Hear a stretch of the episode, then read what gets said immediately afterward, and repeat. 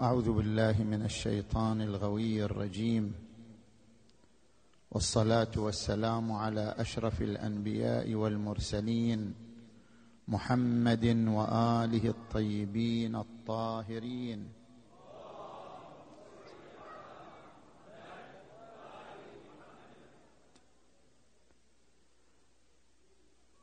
جلجل الحق في المسيحي حتى عد من فرط حبه علويا.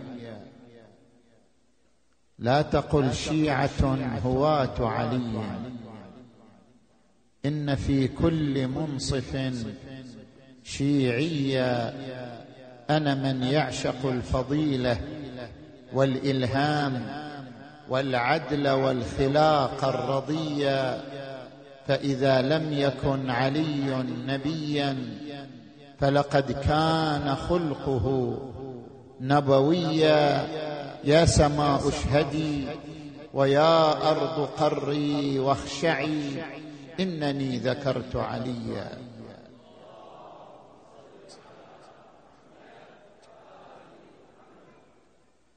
عندما نريد أن نتحدث عن شخصية الإمام علي عليه السلام فنحن نتناوله من هذه المفردة القرآنية ألا وهي مفردة النفس المطمئنة.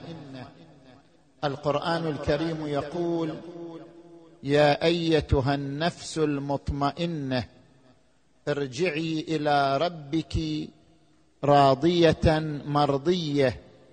علي مثال للنفس المطمئنة. ما هي النفس المطمئنة؟ وكيف تتحول النفس إلى نفس مطمئنة؟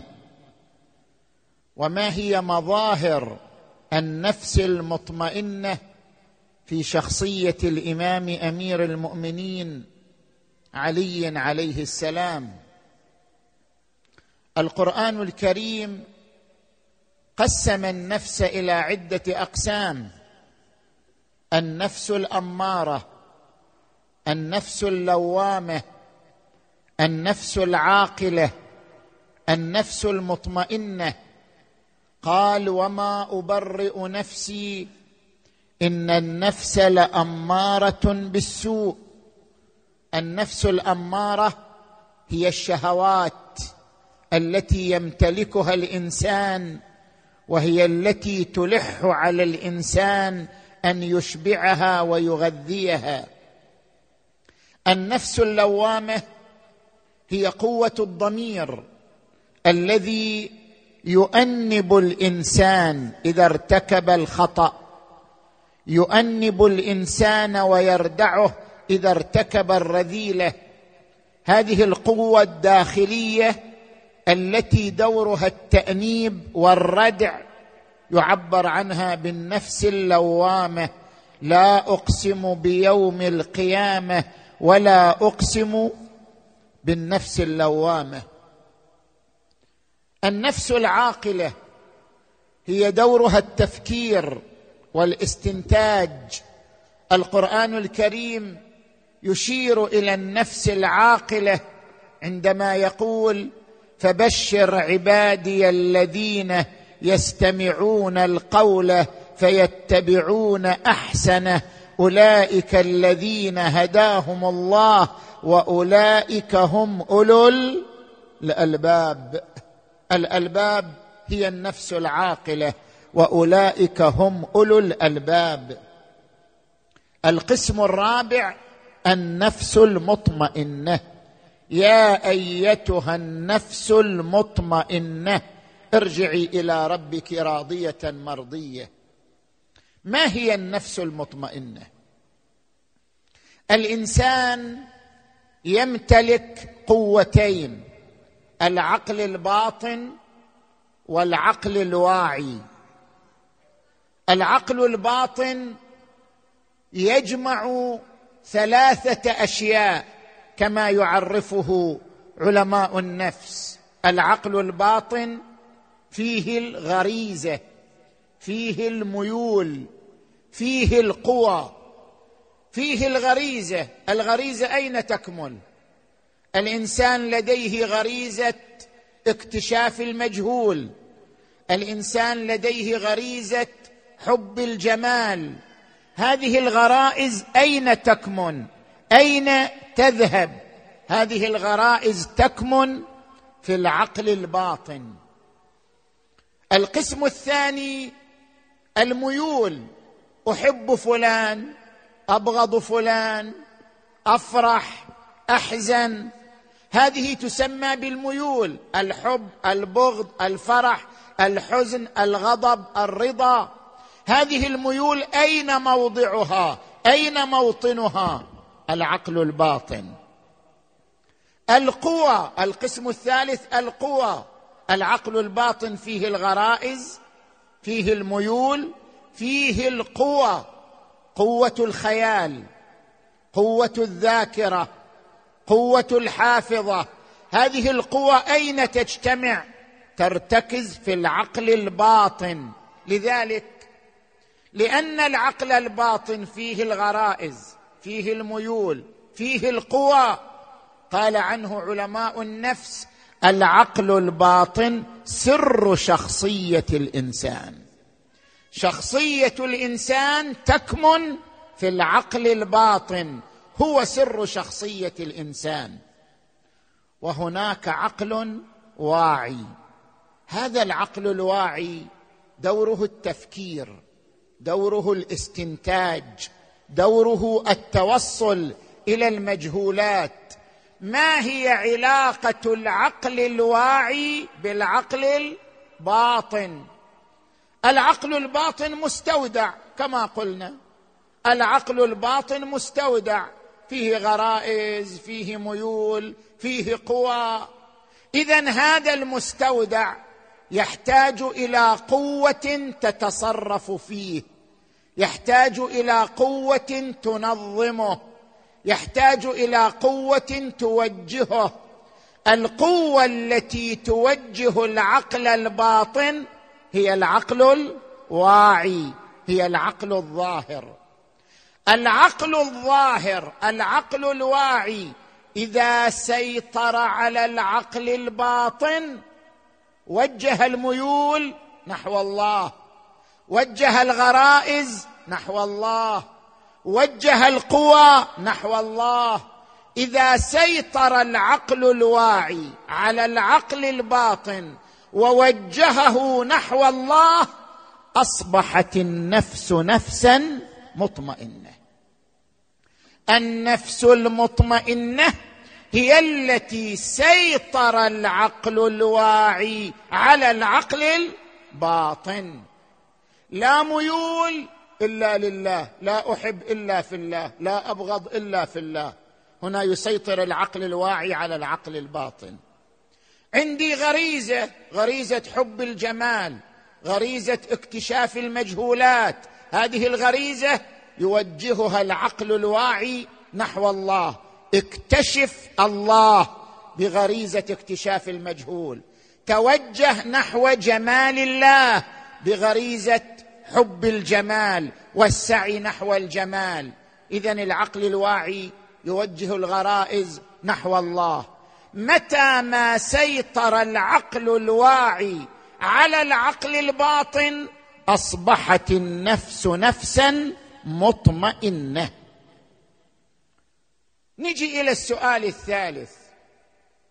إذا تحولت النفس إلى النفس المطمئنة هذه النفس المطمئنة مرآة لله وجه لله معبره عن الله تبارك وتعالى.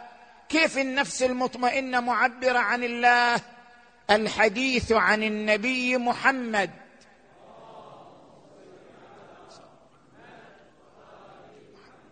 من عرف نفسه فقد عرف ربه. أنت بإمكانك أن تصل إلى الله من الخارج. تتأمل في الوجود فتصل إلى الله. لكن بإمكانك أن تصل إلى الله من الداخل لا من الخارج. أي من خلال نفسك. من عرف نفسه فقد عرف ربه. وفي الأرض آيات للموقنين. وفي أنفسكم. أفلا تبصرون؟ أفلا تبصرون أن في أنفسكم وجودا لله وحضورا لله تستطيعون أن تصلوا إلى الله عبر أنفسكم؟ نعم. إذا تحولت النفس إلى نفس مطمئنة وصلت إلى الله تبارك وتعالى. من سيطر عقله على نفسه من سيطر عقله الواعي على عقله الباطن أصبحت نفسه مطمئنة. من أصبحت نفسه مطمئنة وصل إلى ربه وكان مصداقا لقوله من عرف نفسه فقد عرف ربه. النفس المطمئنة من مظاهرها الفناء في الله. نحن في العبادة عندما نعبد الله عندما نعبد الله نعبر ثلاث مراحل. مرحلة العروج مرحلة الخلع مرحلة الفناء.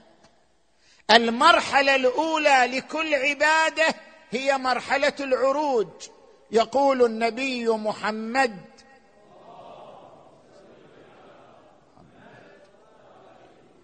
الصلاة معراج المؤمن الصلاه حالة عروج. قد أفلح المؤمنون الذين هم في صلاتهم خاشعون. الصلاه حالة عروج. أما إذا استمر الإنسان في العبادة واستمرت سيطرة العقل الواعي على العقل الباطن يصل إلى مرحلة أعمق من العروج. مرحلة الخلع. تنخلع الدنيا من داخل نفسه. تنخلع الشهوات تنخلع الغرائز تذوب نفسه تضمحل نفسه. حينئذ يعبر مرحلة أخرى تسمى بمرحلة الخر بمرحلة الخلع. ثم يصل إلى مرحلة ثالثة ألا وهي مرحلة الفناء في الله. لا يرى إلا الله لا يفكر إلا في الله لا يحب إلا في الله. هذه المرحلة ألا وهي مرحلة الفناء هي مظهر النفس المطمئنة. هذه المرحلة مرحلة الفناء هي التي عبر عنها علي بن أبي طالب عليه السلام ما رأيت شيئا إلا ورأيت الله قبله وبعده وفوقه وتحته وفيه قيل يا أمير المؤمنين هل رأيت ربك؟ قال وكيف أعبد ربا لم أره؟ ما رأته العيون بمشاهدة العيان ولكن رأته القلوب بحقائق الإيمان. أنا رأيت ربي من خلال وصولي إلى مرحلة الفناء. عبرت مرحلة العروج. تجاوزت مرحلة الخلع وصلت إلى مرحلة الفناء. لما وصلت إلى مرحلة الفناء أصبحت لا أرى إلا الله تبارك وتعالى. علي. لأنه وصل إلى مرحلة الفناء. علي. لأنه وصل إلى مرحلة النفس المطمئنة. أصبح علي مرآة لله. أصبح علي وجها لله. أصبح علي عليه السلام تجسيدا للعدالة. عندما يقول والله لو أعطيت الأقاليم السبعة بما تحت أفلاكها على أن أعصي الله في نملة أسلبها جلب شعيرة ما فعلت. والله لو كان المال لي لساويت بينهم فكيف والمال مال الله؟ علي بن أبي طالب يدخل عليه ابن عباس في منطقة ذي قار في العراق يراه يخصف نعله يرقع نعله. يلتفت الإمام أمير المؤمنين إلى ابن عباس يقول يا ابن عباس ما قيمة هذه النعل؟ شقد تسوى هذه النعل في السوق.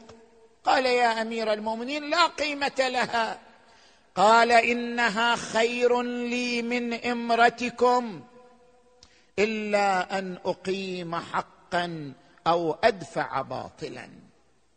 علي يجسد العدالة لأنه مرآة الله لأنه النفس المطمئنة. علي عليه السلام يجسد الثبات على الحق. علي لا يتنازل لا يتراجع عن مبادئه عن قيمه. والله ما معاوية بأدهى مني ولكنه يغدر ويفجر. قد يرى الحول القلب وجه الحيلة ودونها حاجز من تقوى الله.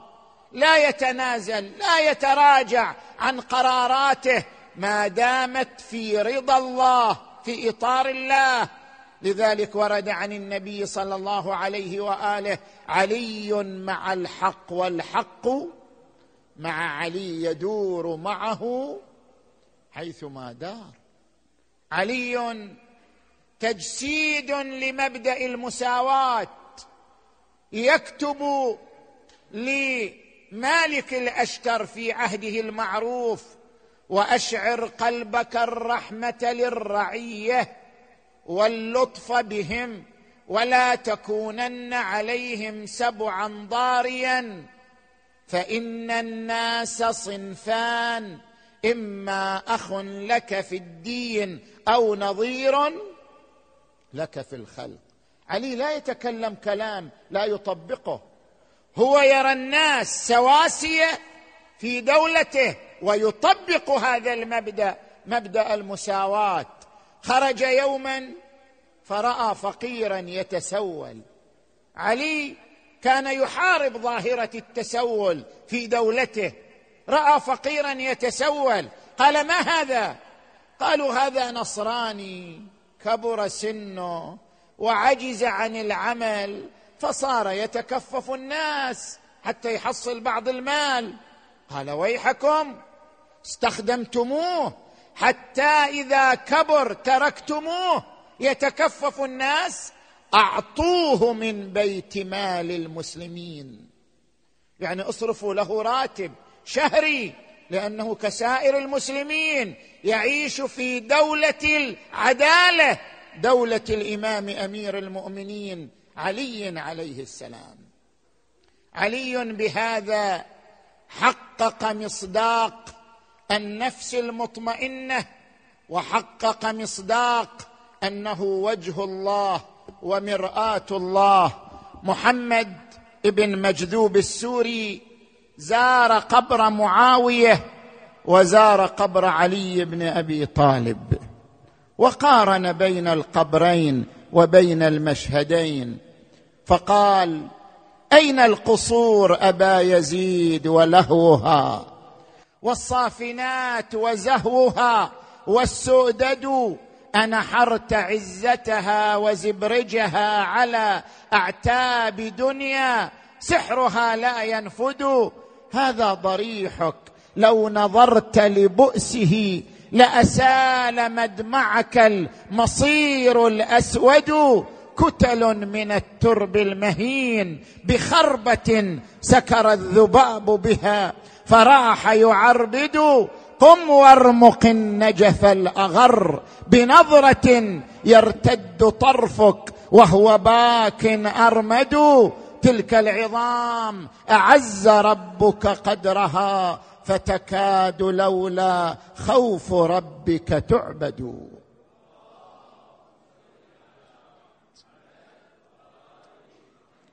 يا برق إن جئت الغري فقل له أتراك تعلم من بأرضك مودع؟ فيك ابن عمران الكليم وبعده عيسى يقفيه وأحمد يتبع بل فيك سر الله. جل جلاله لذوي البصائر يستشف فيلمع. فيك الإمام المرتضى فيك الوصي المجتبى فيك البطين الأنزع يا قالع الباب الذي عن هزه عجزت أكف أربعون. واربع يا من له ردت ذكاء ولم يفز بنظيرها من قبل إلا. يوشع أقول فيك سميذع؟ كلا ولا. حاشا لمثلك أن يقال سميذع بل أنت في يوم القيامة حاكم في العالمين وشافع ومشفع.